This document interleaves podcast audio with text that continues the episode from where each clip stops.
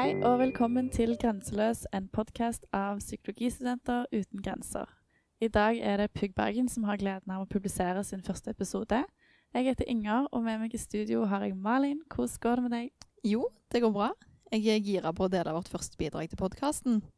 Det har seg jo sånn at For ikke så lenge siden så fikk vi besøk av psykologspesialist Katrin Glatz Brubakk, som hadde foredrag for oss og svarte på spørsmål fra den digitale salen.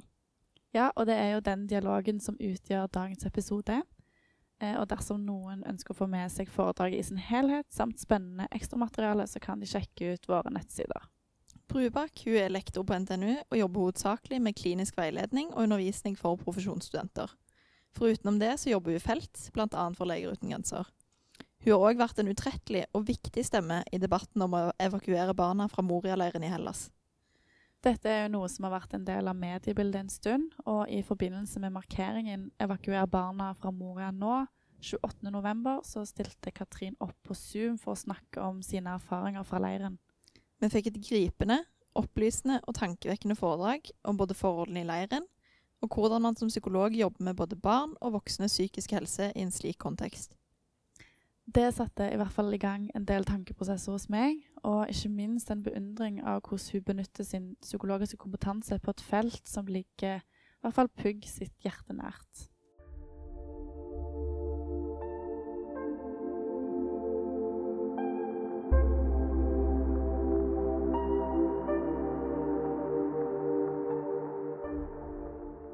Hvor kommer majoriteten av flyktningene fra, av de som bor i Moria?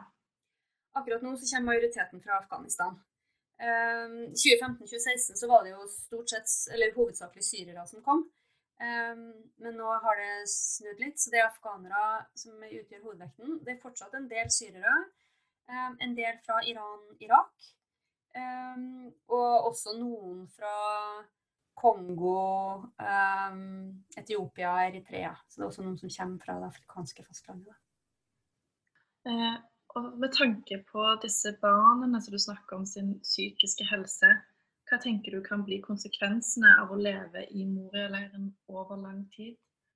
Nei, vi vet, jo, vi vet jo det at hvis du går um, altså både med en ubehandla PTSD over lang tid uh, og retraumatisering og har den der usikkerheten og ustabiliteten, så, så, vil jo altså Jo lenger du går i det, jo vanskeligere er det å behandle. Um, det er jo um, altså Hvis de skulle være så heldige at de kom til Norge, så har vi jo et, et behandlingsapparat som er godt. Um, og vi har mye kompetanse på, på traumeerfaringer, sånn at eh, det vil være mulig å gjøre en god del. Men, men barn, særlig barn som har opplevd traumer tidlig, kanskje mista en omsorgsperson, og så levd i Moria under så usikre betingelser i over et år, opptil tre år, de vil sannsynligvis ha ganske store vansker over lang tid. Og kanskje alltid. Ja. Så er det en som, som, skriver her Jeg har hørt at hjelpearbeidere fra ulike frivillige organisasjoner ble angrepet for en stund tilbake. Ja. Mm. Eh, kan du si noe om hvorfor, og er det utrygt f.eks. For, for deg og andre hjelpeorganisasjoner å jobbe? Eh, for å ta det siste først, så stort sett så er det ikke utrygt. Stort sett så er det veldig trygt. Eh, men det var noen episoder i februar-mars eh, hvor eh, det var høyreekstreme lokale folk som, som angrep. Jeg, jeg, var der rett før disse angrepene begynte, sånn at jeg, vi kjente at stemninga var annerledes. Og sånn at Vi gikk ikke med T-skjorter med logo i byen. vi snakka ikke om jobb eller hvor vi jobba til hvem som helst. Um, vi måtte passe litt på. Det var noen biler som har blitt herpa, av sånne leiebiler som hadde logoer og sånn. Så vi måtte passe på, men, men vi tenkte at Eller det opplevdes ikke som veldig utrygt, da. Men i, i uka etter at jeg for, så, så, var det et par angrep som var alvorlige. altså Hvor de smasha biler, stoppa folk, eh, trua dem. Hjelpearbeiderne fikk portforbud, sånn at de fikk rett og slett ikke gå ut på gata i tre dager fordi at man var redd for angrep. Og da var det var det lokalbefolkning og nynazister som, som, gikk i gatene og demonstrerte og, og sperra veier og sånn. Og det handler nok om uh, to ting. Det ene handler om at uh, grekerne er sliten. De har fått hele belastninga med å ta ta imot disse flyktningene og ivareta dem og eh, behandle. Altså sykehuskapasiteten er sprengt. Eh, det, er, det, har gått utover turisme. Eh, det, er, det har vært tilfeller hvor, hvor folk har stjålet geiter og slakta fordi de hadde ikke noe mat, og så gikk det en geit på jordet. Overhodet ikke greit. Forståelig at det kan skje, men det er overhodet ikke greit. Det finnes idioter blant flyktningene, sånn som det finnes idioter blant oss. Så noen hadde herpa en kirke sant, som er kjempeviktig. Hele. Så det var mange ting som har lagt seg oppå hverandre som gjorde at folk er frustrert og lei og sliten. Eh, og så har nynazister utnytta den misnøyen til å rekruttere folk, og også til å, å angripe både frivillige og, og flyktninger. Eh, og det som sies i de miljøene, er jo at hadde ikke frivillige organisasjoner vært der, så ville ikke flyktningene vært der. Sånn at det er frivillige organisasjoner sin skyld. Det er jo å snu logikken helt på hodet. Folk flykter fordi de flykter fra noe, og så prøver NGO-ene så godt de kan å bøte på det. Men, men det er nå det som, som, sies, da. Mm. Men stort sett, jeg har jo vært der eh, som sagt ni ganger eh, de siste fem årene. Eh, og dette er den ene hendelsen, eller disse tre dagene som var intensive, og så har det vært greit. Dette er jo litt relatert til det du nettopp sa, med uro og knuffing i leiren. Hva er den sterkeste sikkerhetstrusselen for flyktningene som oppholder seg i leiren? Politiet.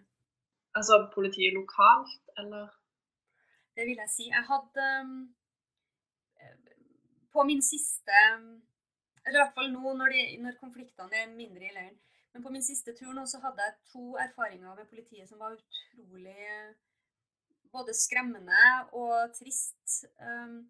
Det ene var at jeg kom til en bilulykke rett etter at den hadde skjedd. Hvor det lå en alvorlig skada mann på bakken. og jeg bare stoppa opp og spurte liksom, hva skal skje. Altså, jeg kan bitte litt førstehjelp, men jeg er jo ingen lege på noen som måte. Men, men, i hvert fall se hva, hva kan gjøres. Sikre at ambulanse var ringt. Um, sikre at liksom han eh, ble ivaretatt. Um, sikre at de rundt som var vitner, ble ivaretatt. Um, uh, og da kommer Først kommer politiet, og så er de litt sånn Ja, ja, de ringte meg etter en ambulanse etter hvert. Uh, etter at jeg hadde masa mye om det. Men, men, politiet begynner da å kjefte og dytte og knuffe de flyktningene som står ved siden av. Um, kalle dem alle mulige slags fæle ting og ha deg tilbake dit du kom fra. Og dere lager bare trøbbel. Og dette er mennesker som akkurat har sett kompisen sin bli alvorlig skada. Uh, hun prøver å dytte bort meg og få meg til å gå. Jeg sier at det er helt uaktuelt, men hun tør jo ikke. sant? Jeg skal si En gammel, hvit, gammel kjerring uh, er det vanskeligere å herse med eller herje med. Men, uh, men jeg insisterer jo også på at vennene skal få være der, for de er jo bekymra for, um, for vennen sin. Men hun, hun kjefter og smeller og roper og dytter og tar fra den ene også papirene, som er det eneste du har. Har du ikke papirene dine, så kan du ikke gå ut av leiren, du kan ikke gå inn i leiren, du får ikke mat. Du, altså, du får ingenting uten de papirene. Og når jeg spør hvorfor tar du papirene Nei, det, var, det hadde ikke jeg noe med. Han måtte komme på politikammeret dagen etter eh, og hente. Eh, og så sier jeg men hvorfor, hva har han gjort? Ikke sant? Nei, det hadde jeg ingenting med, og så fortsetter jeg bare å kjefte på han fyren. Um, og uh, jeg ringer etter ambulanse tre ganger. Uh, etter 45 minutter kommer ambulansen. Da har han begynt å få sirkulasjonssvikt, altså han begynner å bli klam i hendene og kald. Han, pulsen hans blir uregelmessig. Han åpner øynene en gang, men det er ingen respons på pupillene. Og jeg er alvorlig redd for at han dør. Eh, det er ingen forsøk på å få opp farta, få hjelpen, eh, sikre at han er godt ivaretatt. Og ambulansen eh, lemper den inn i bilen og kjører derfra uten sirener. Og er, vi har aldri fått det svaret fra sykehuset, men jeg er rimelig trygg på at han døde. Fordi at politiet velger å behandle dem sånn den andre, det andre tilfellet jeg var inne i leiren, så var det noen som uh, stilte noen spørsmål ved hvorfor de var satt i koronakarantene, men tida for at de skulle komme ut derfra, var gått langt. Altså det var mange dager over tida. Og de spurte hvorfor slipper dere oss ikke ut? Eh, som er et betimelig spørsmål. eh, hvor politiet henter fram køllene og truer med dem. eh, og eh, sier til dem at hvis ikke dere holder kjeft nå, så kommer vi til å sette dere på ei svarteliste, så dere aldri kommer dere ut herfra. Og vi skal sørge for at liksom gjør livet dere til et helvete. Og det er jo bare to helt tilfeldige mm, ting jeg kom over. Eh, og det rapporteres mye vold fra politiet. Ja, det kan jeg nesten se for meg. Um, og det handler jo mye, som du nevnte, at det er jo selvfølgelig et stort press på lokalsamfunnene som faktisk Mm. har disse leirene um, Mm. og har de gående. Mm. Og så vet vi at dessverre en del av eh, en god del politifolk er medlem av Golden Dawn, som er altså det ekstreme høyrepartiet i Hellas, som bare for en måned siden nå ble eh, dømt som terroristorganisasjon. Sånn at eh, det, det er mange som har noen politiske hensikter bak atferden sin, da, dessverre. Dessverre. Så kan vi gå litt videre. Det er en som spør om du har noen tips til hvordan vi kan få foten innenfor internasjonalt hjelpearbeid. Ja. Man har mye praktisk erfaring, eh, spesialisering før man arbeider i f.eks. en flyktningleir. Må man lære seg et tredje språk for å kunne jobbe internasjonalt. Mm. Eh, Leger uten grenser har et krav om at du skal ha jobba i minst to år. Så bli ferdigutdanna er liksom første, første skritt. Ehm, ehm, så er det jo Altså, hvis man har noe frivillig erfaring eh, på CV-en, så er det en fordel. Ehm, gjerne ute, sånn at um, Hva det nå enn er, um, men at dere har vært litt utenlands og fått noe erfaring med å jobbe i en annen kulturell kontekst, det er en absolutt fordel. Eh, ja. Men også frivillig arbeid her hjemme som viser at man er engasjert og, og liksom opptatt av den type problematikk, eh, er en fordel. Um, det, nå kjenner jeg jo Leger uten grenser best. da. Eh, Det de trenger sånn språklig, er Eller du kommer langt, kjempelangt opp på lista hvis du kan fransk. Ehm, I de kontekstene jeg jobber, så er det jo eh, så mange eh, språk. Altså du må kunne både farsi, pashto, eh, arabisk, diverse andre språk for å, eh, for å kunne jobbe. Så du er uansett avhengig av tolk. Men, men da er jobbspråket vårt engelsk. Men i veldig veldig mange afrikanske land så er jo lokalspråket eh, fransk. Så hvis man kan fransk, så er det en kjempefordel. Så det er det ene språket det virkelig lønner seg å lære hvis man skal lære et. Eventuelt arabisk, men eh, ja, nei, gå for fransk. Ja, gå for fransk. Eh, og så er det noen som lurer litt på òg Det med tolk må jo være en utfordring, men det er jo det man er nødt til å bruke eh, når man jobber med så for mange forskjellige etnisiteter. Er det god tilgang på tolk? Eh, Mm. Hva er utfordringen med å jobbe Mm. med det? Altså, når man jobber for Leger uten grenser, så, er, så har vi tolker ansatt, sånn at eh, det er alltid tilgjengelig. Um, også når du jobber for andre frivillige organisasjoner, så, så kan man, i hvert fall når man jobber i en flyktningkontekst, så kan man ikke jobbe uten tolk. Uh, så det, det må man. Um, og det å jobbe med tolk eh, er jo litt å legge all fagligheten si i noen andres hender. Eh, du må liksom stole på eh, at den andre oversetter det du har tenkt å si, på en god måte. Eh, og det er jo litt varierende. Eh, det hender noen ganger at du, du liksom du spør et eller annet, og så hører du at det kommer et kjempelangt svar, og det er liksom sånn i tre minutter. Og så sier tolken ja. Og så sånn, OK, men det foregikk noe mer enn et ja her. så at, ja. Men samtidig så har jeg jobba med tolker um, hvor jeg har hatt leketerapier.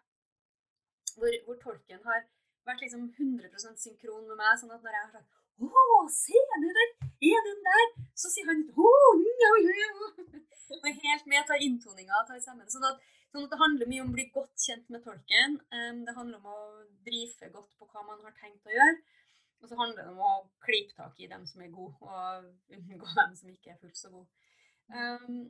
Men samtidig, altså, du, du, kan, som sagt, du kan ikke jobbe i en, en sånn kontekst uten å, å, være tolk. sånn at da må man prøve å spille tolken så god som mulig. da. Sånn at man får mest mulig ut av det. Og så må man ha mer tid. For alt skal sies to ganger. Ja, ikke sant. Sånn at, ja, sånn at det er også en sånn faktor man av og til glemmer litt, at det går litt fort. Mm. Ja, og pasienten må jo forholde seg til to personer som skal høre, skal høre det, livshistorien sin. Ja, ikke sant? Så det må bygges tillit mellom alle tre, da. Mm. Ja. Ja, og så eh, Hva tenker myndighetene våre skal skje med flyktningene i Moria som ikke blir evakuert? Det er jo et litt politisk. Ja, hvis jeg var inne i hodet til Erna, så hadde jo det vært en fordel. eh, nei, det er jo ikke noe Altså, man lener seg jo veldig på eh, de europeiske avtalene som er lagd. Og, og det fins en eh, avtale som heter Dublin-avtalen, som sier at det første landet som en asylsøker blir registrert i, er det landet hvor han skal søke asyl. Um, og han kan ikke søke asyl i flere land. Um, det er riktignok en frivillig avtale, så man må ikke følge den, men, men den ligger som en sånn grunn, felles grunnforståelse. da. Um, og Det er jo derfor trykkbelastninga blir så innmari stor på Italia og Hellas, fordi at det er nødvendigvis det første landet de kommer til pga. at de ligger der de ligger. Um, det kom jo i jeg vet ikke om dere husker det, men i 2016 så kom det en god del eh, flyktninger over eh, Storskog, eh, grensa mellom Russland og Norge. Eh, det er jo den eneste stedet hvor, hvor det er mulig å, å få til at Norge er først, første land. Da. Um, Gjerne med sykkel òg over grensa. og kravet for å komme seg over der er at man må ha et kjøretøy, sånn at da måtte man ha med seg en sykkel. Om det var bare man leide den, men man måtte komme over med sykkel. Men nå er grensekontrollen der blitt så streng, så du kommer deg ikke over lenger. Uh, sånn at det eneste som er av tanker eller planer, er jo at Hellas er nødt til å fikse det på en eller annen måte. Eh, og Hellas får en god del midler for å drifte leirene, eh, og også for å gi eh, dem som søker, altså dem som inn, blir innvilga asyl, opphold. Um, det er bare at det er så mange. altså Greske myndigheter anslår at nå er det 75% av de 20 000 som var i leiren, eh, kom fra livsbetingelser som gjorde at de hadde krav på asyl. Um, men så er jo det tyske, det greske apparatet for å, for å integrere dem og gi dem jobb og gi dem skole, er jo helt, helt sprengt. Um, sånn at inntil for et år siden så, så fikk man um, støtte i et halvt år fra myndighetene for å liksom bli integrert og finne seg en jobb og finne seg et sted å bo. Så det første halve året hadde hun noe støtte. Mens nå er du fratatt det. Sånn at nå får du absolutt ingenting. Så i det øyeblikket du har fått innvilga asyl, så er det ingen hjelp lenger. Absolutt ingenting. Um, så det betyr at selv om man har evakuert ganske mange til fastlandet ut fra Moria, som jo er et mareritt og alle bør ut derfra, um, så har man bare flytta problemet til fastlandet. sånn at nå er det veldig mange som bor på gatene og i parkene i Aten. Uh, fordi at hvordan skal du, når du ikke kan språket og ikke, det er ikke noe hjelpeapparat, hvordan skal du klare det uh, i, um, i Hellas? Hvordan skal du få deg en jobb? Uh, hvordan skal ungene dine få gått på skolen? Ja. Sånn at det ligger ingen planer akkurat nå om å gjøre det annerledes enn sånn som det er. Og satse på at Hellas på en eller annen måte klarer å håndtere det. Men etter at Moria brant, så, så, kom det opp en diskusjon i Europarådet om um, skal denne Dublin-avtalen revurderes, og man skal se på en litt annen byrdefordeling. Men det er ikke landa ennå, da. Vi vet ikke hvordan det blir. Men da er det jo ikke minst viktig med sånne markeringer som kommer. Ja, altså denne evakuerer barna fra Moria nå, 28.11. Norge har jo lovd å hente 50. Det, vi syns jo det er litt lite, men uh, det er mer enn ingenting. Um, men uh, det skjer jo ingenting. Vi, det Vedtaket fatta dem i mai, og nå er vi altså i midten av november. Så det er kjempetragisk. Vet du sånn grovt hvor stor andel, altså i prosent, av flyktningene i leiren som får psykologisk behandling? Oi. Um, nei, det gjør jeg faktisk ikke. Altså, Leger uten grenser har et prinsipp om at alle barna skal få hjelp. Um, sånn at um, man prøver å gi alle dem hjelp enten individuelt eller i gruppe. Um, når det gjelder de voksne, så er kapasiteten altfor liten. Sånn at noe av det mest smertefulle jeg gjorde, var å sitte og gjøre inntak uh, og bestemme hvem som ikke skulle få hjelp. Fordi at alvorlighetsgraden måtte være så ekstremt høy for at vi skulle kunne ta dem inn. Uh, fordi at det var, henvisningene var så mange. Sånn at um, Misforstå meg rett, men hvis du bare var blitt uh, voldtatt og plaga med, plaga med liksom søvn og hypervigilans og, og påtrengende minner. Men, men um, kunne ivareta deg sjøl. Du visste fortsatt du kunne stelle deg. Du var ikke liksom, i ferd med å bli psykotisk. Så var ikke det nok. Um, ja Cutoffen ble liksom satt på um, ute til å fungere. Sånn at hvis du var klin psykotisk uh, eller ute til å ta vare på deg sjøl, eller akutt suicidal, og da ikke, ikke suicidale tanker, men altså faktisk du prøvde å ta livet ditt uh, gjentatte ganger, det var liksom cutoffen for å gi hjelp. Så det var ekstremt mange som vi dessverre ikke kunne hjelpe. Men andelen har jeg dessverre ikke. Nei, det er jo sikkert en veldig masse mørketall på det òg. Det vil du uansett være, ja. Ja. Um, vi har òg noen spørsmål som har kommet nå litt underveis i samtalen. Um, en som spør for en psykologistudent som vil skrive hovedoppgave om flyktninger, mm. uh, hva tema er mest relevant for en oppgave som vil være samfunnsnyttig? Oi. Um, det kan være nesten hva som helst. Er, vi har jo for lite eh, data på flyktninger generelt. Um, så det kan være alt fra å um, kartlegge altså Det vi f.eks. ikke har gjort, er å se på korrelasjonen mellom um, lengdetid de har vært i en gresk flyktningleir f.eks., og uh, symptomtrykk når de kommer. Um, det er jo ingen som har sett altså, om lengden, lengden av flukt eller opphold i en flyktningleir påvirker symptomtrykk. Um, det er å grave litt ned, lenger ned i hvorfor er det så uh, er flyktninger så underrepresentert i psykisk helsevern, selv om vi vet at prevalensen hos dem er høyere. Um, det er gjort noe på det, men, men, finne mer ut av hvor er det det stopper hen, sånn at de ikke får den hjelpa de skal få. Um, det er å uh, gjøre studier uh, på Altså dra i felt og undersøke psykisk helse der. Det var to fra Trondheim som i fjor dro til Libanon i en flyktningbosetning der. Og gjorde en studie på opplevelse av psykisk helse eh, hos ungdommer, altså syriske flyktningungdommer. Eh, det har vi nesten ikke data på. Eh, så der er det et kjempestort marked, skulle jeg si. Eh, så, så les dere litt opp. Eh, få noen ideer. Snakk med folk som eh, enten i Bergen eller rundt omkring som, som kan litt om feltet. og, og snevre det litt inn og finne ut hva dere har lyst til å gjøre. Men det er mye muligheter både her og, og ute. Ja, det er nok av muligheter. Um, også, Kjempeviktig. Ja, veldig viktig, ikke minst. Du nevnte òg noe om hva psykologiske metoder dere bruker i arbeidet med voksne og barn. Mm. Eh, men hvordan jobber man med veldig små barn som selvskader seg sjøl og, og, vil dø, eh, er spørsmålet. Mm. Eh, først og fremst, Med de små så jobber vi først og fremst gjennom foreldre. Um, sånn at det handler om å ikke sant, Unger har redusert eller lite utvikla reguleringskapasitet i utgangspunktet. Um, og disse barna har liksom si, kasta den over bord. De har liksom ikke, ikke noe. Um, og da er det jo de voksne rundt som er nødt til å låne bort sin reguleringskapasitet for å hjelpe barna.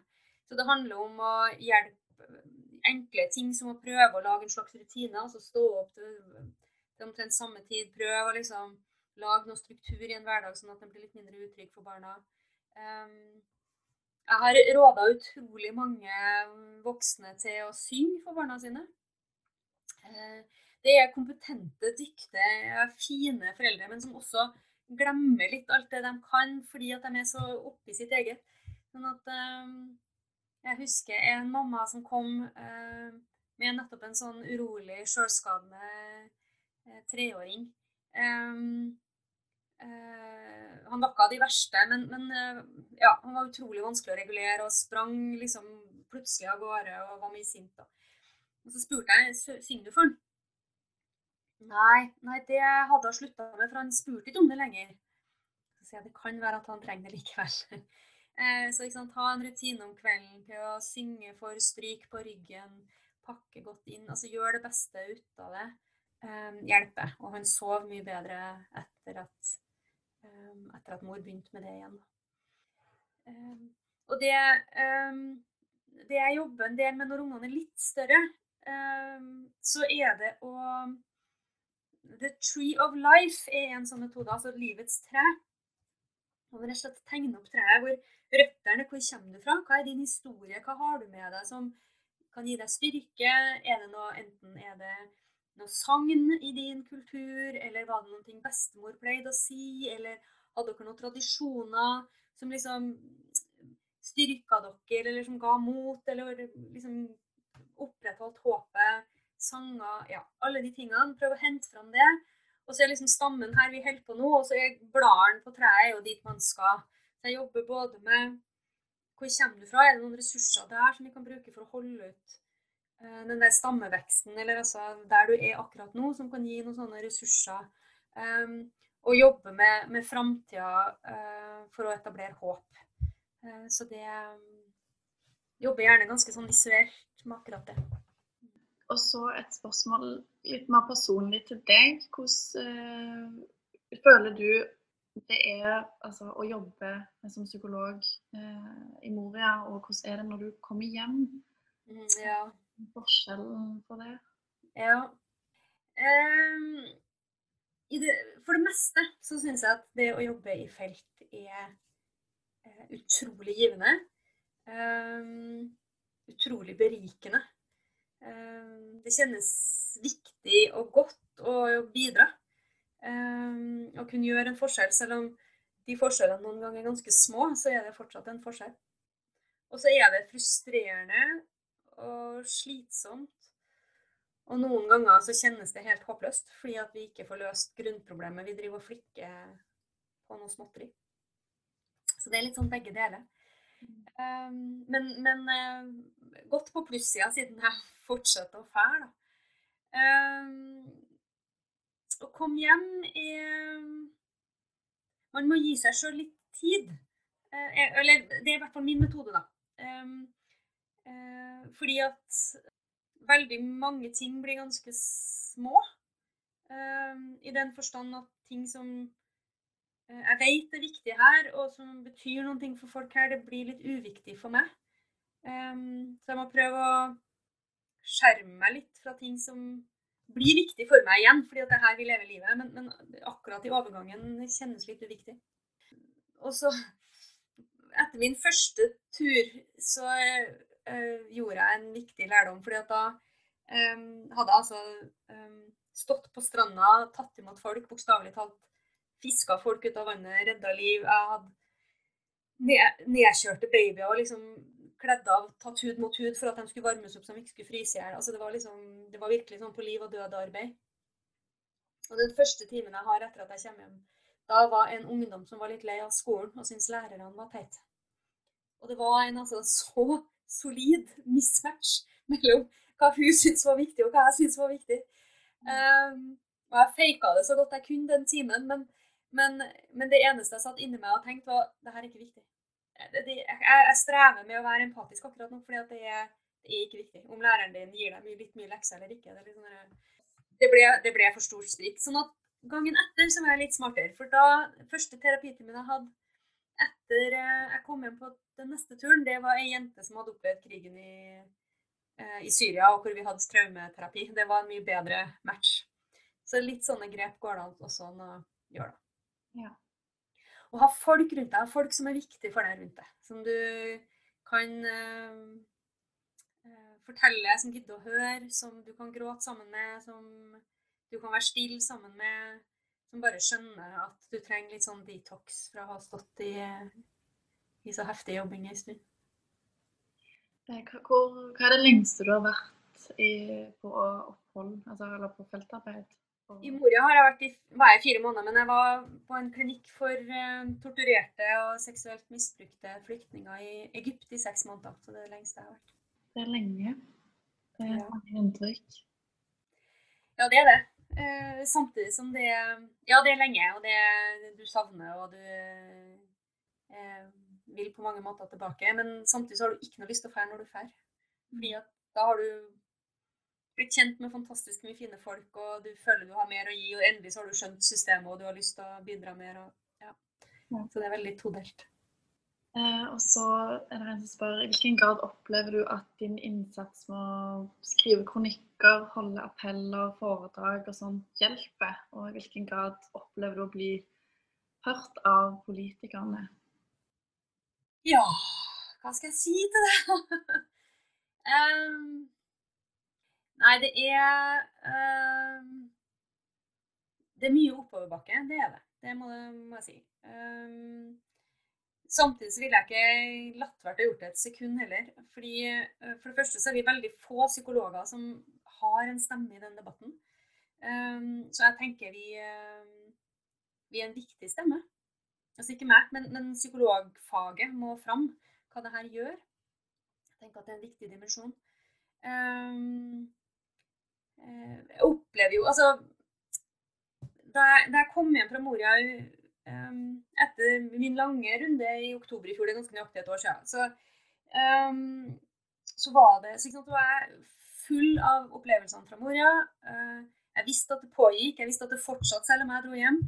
Um, og så var det ingen som snakka om det. Det var ikke et tema noe sted. Media skrev ikke om det, folk snakka ikke om det. Det var liksom det var blitt helt borte. Og jeg holdt på å bli klin gæren, for hele hodet mitt var bare, bare fullt av akkurat det. Um, og, og så var det så stille. Så det var bakgrunnen for at jeg, jeg starta uh, denne kampanjen 'Evakuer barna fra Moria'. Um, fordi jeg kjente at Jeg visste at det pågikk, og jeg, kunne ikke, jeg klarte ikke å tåle at, at vi ikke snakka om det, og at vi ikke tematiserte. Ehm, og selv om det oppleves som oppoverbakke ganske mange ganger, så, så er det likevel Det har gått fra null, at ingen snakka om det, til at Moria har blitt et tema blant veldig mange. Ehm, over 50% av befolkninga vil at Norge skal hente, skal evakuere barn fra Moria. Eh, det har blitt et politisk tema. Det har vært to ganger på Debatten på NRK hvor politikerne har blitt stilt til veggs og spurt hva man mener dere om det her. Eh, Vi har fått vedtak om 50, selv om det er for lite. Men, det, men uten hadde ikke blitt det vedtaket engang.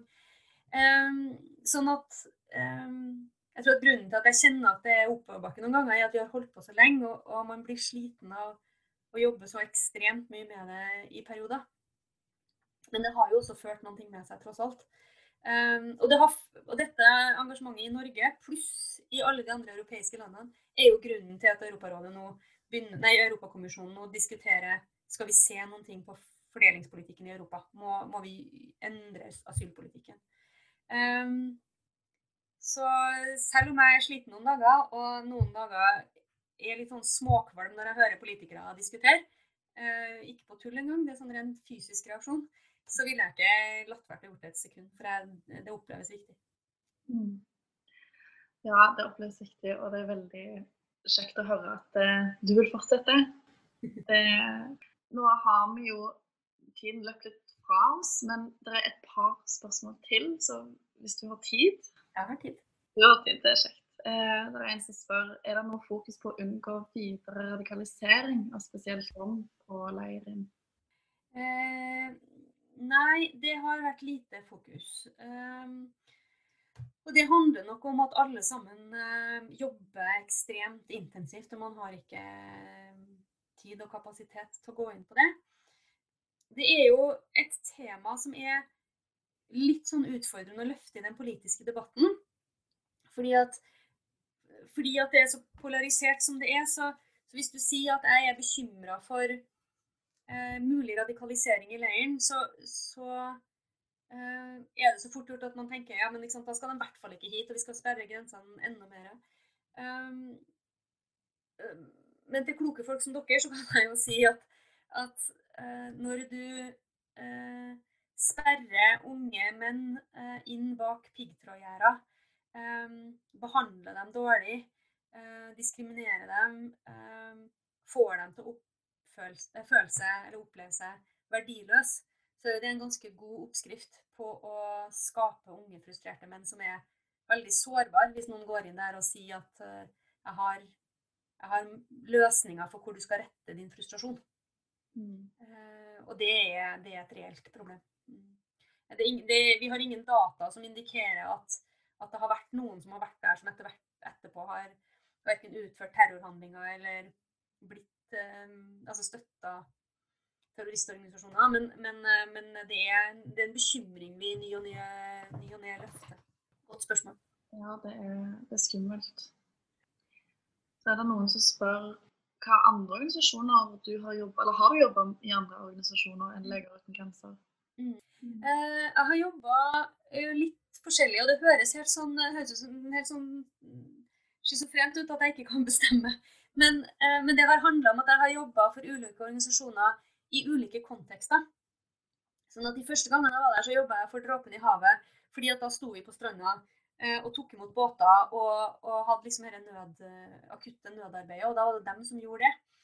Um, og så jobba jeg en periode for Caritas. fordi at da var det dem som hadde eh, leid eh, et hotell hvor de hadde installert de mest sårbare familiene. Så det var 200 barn blant annet, som bodde på det hotellet. Men det var ingen som hadde psykologfaglig kompetanse.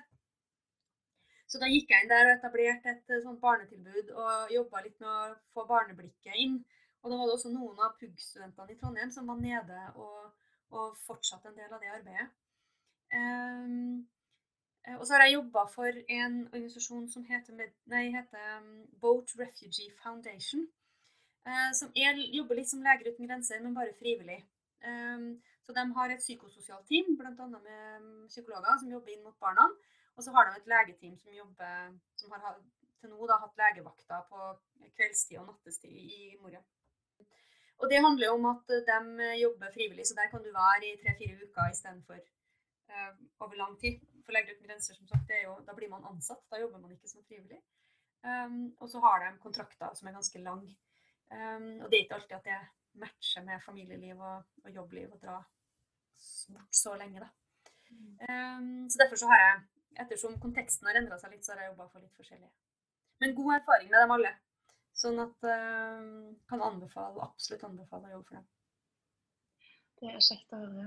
Uh, så har òg Malin noen avsluttende spørsmål som vi har samla opp. Mm. Uh, en ting som ble sagt her, er hvordan forholder du deg til det å formidle håp til pasienter i en situasjon som er så prega av håpløshet? Du snakka jo litt om det tidligere. Mm. Det, er, det er vanskelig. Noen ganger så er det kjempevanskelig. Ehm, det handler litt om å få tak i hva de drømmer om. Hva, er det Å feste blikket litt framover. For det, det eneste som vi vet helt sikkert, eh, er at ingen er i Moria for bestandig. Så selv om du har vært i Moria i et år eller i to eller tre, så er det ingen som, som dør der. Si. Altså, jo, det, det, er det dessverre, men det er ingen som blir der til de er eldgamle. Um, sånn, sånn at vi vet at de skal ut, og vi vet ikke hvor de skal, vi vet ikke hva som skjer, så det kan vi ikke jobbe så mye med. Men, men hva drømmer du om den dagen ting blir annerledes? Så det, det å feste blikket litt langt fram, um, og så hente fram disse ressursene på at de tross alt har kommet så langt som de har, da. Um, men, men, noen ganger er det virkelig fryktelig tungt arbeid. Um, og noen ganger så kommer religion med til unnsetning, da. Fordi um, jeg er ikke troende sjøl, men, men, når folk forteller meg at uh, de er troende, at de går i kirka, at de finner noen form for trøst der, så er det um, ofte god drahjelp, da.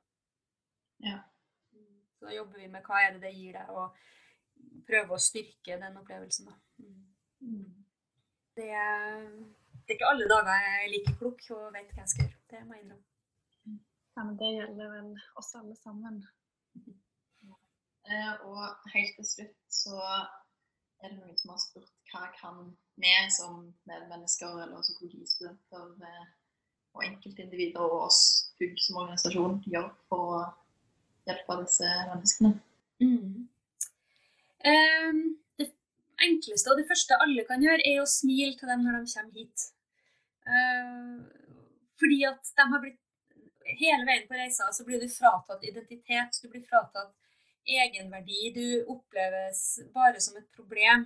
Sånn at det at noen smiler til deg og er hyggelig med deg og, og anerkjenner at du fins, uh, er viktig i seg sjøl. Og det tenker jeg det, kan, det er enkelt. det får vi til, alle sammen. Hvis man tenker konkret i Moria, så er det jo eh, eh, Det er som sagt et politisk valg eh, at det er som det er. Både at de er der, og at betingelsene er så dårlige. man kan jo tenke at de skal evakueres, men man kunne jo tenkt at hvis man ikke får til å evakuere, så skal de i hvert fall ha gode nok betingelser til at menneskerettighetene ikke blir brutt hver eneste dag. Sånn at det å dele på sosiale medier, det, betyr, det kjennes så lite, men det betyr faktisk mye mer enn du tror. Um, fordi at Det gjør at det kommer opp i feeden til folk, det kommer opp i bevisstheten til folk, det gjør at man snakker om det, det gjør at politikerne får det med, med seg, det gjør at media får det med seg. Så vær aktiv på Facebook og liksom del det, og skriv innlegg og fremme, fremme ting som blir delt. Det er råviktig. Um, som organisasjon kan jo gjøre sånn som f.eks. Legeforeningen har gjort, og, og ja, Psykologforeningen har gjort, og Sykepleierforbundet har gjort, og, og forfatte et skriv. Og si noen ting om at, uh, som man sender som et åpent brev til Erna, f.eks. Uh, på å sant, uh, si at vi er de kommende psykologene, og vi lærer sant, viktigheten av sant, at folk skal oppleve agens og viktigheten av god psykisk helse for å, ved å liksom bli ivaretatt og kjenne seg trygg og alt det der, og at det ikke blir tilbudt. Eh, og at dere er bekymra liksom, for um, altså På faglig grunnlag er bekymra for, for, at man tar de politiske valgene man tar, og ber dem om å, om å handle. Um, så dere kan jo være en viktig um, politisk aktør òg. Skriv leserinnlegg til dere blir blå i trynet. ja. Alt som, alt som gjør, gjør, det synlig på en eller annen måte. Mm, ja, det har vært utrolig kjekt å, å ha deg på besøk. Eh, du kan si det sånn. Eh, veldig spennende, interessant og opplysende og givende å høre på deg. Eh, og vi ønsker deg masse lykke til videre. Mm. Tusen takk for engasjementet. Det er helt eh, fantastisk. Ja, nå, litt over tida, men det var verdt det. og så Eh, håper vi at alle har eh, Jeg fikk en liten sånn melding her. Tusen takk for et flott foredrag. Jeg må springe. Men eh, det er forståelig at noen måtte, noen måtte gå. Eh, mm. Men da tror jeg bare vi skal si takk for i kveld, og ha en fin eh, uke videre, alle sammen.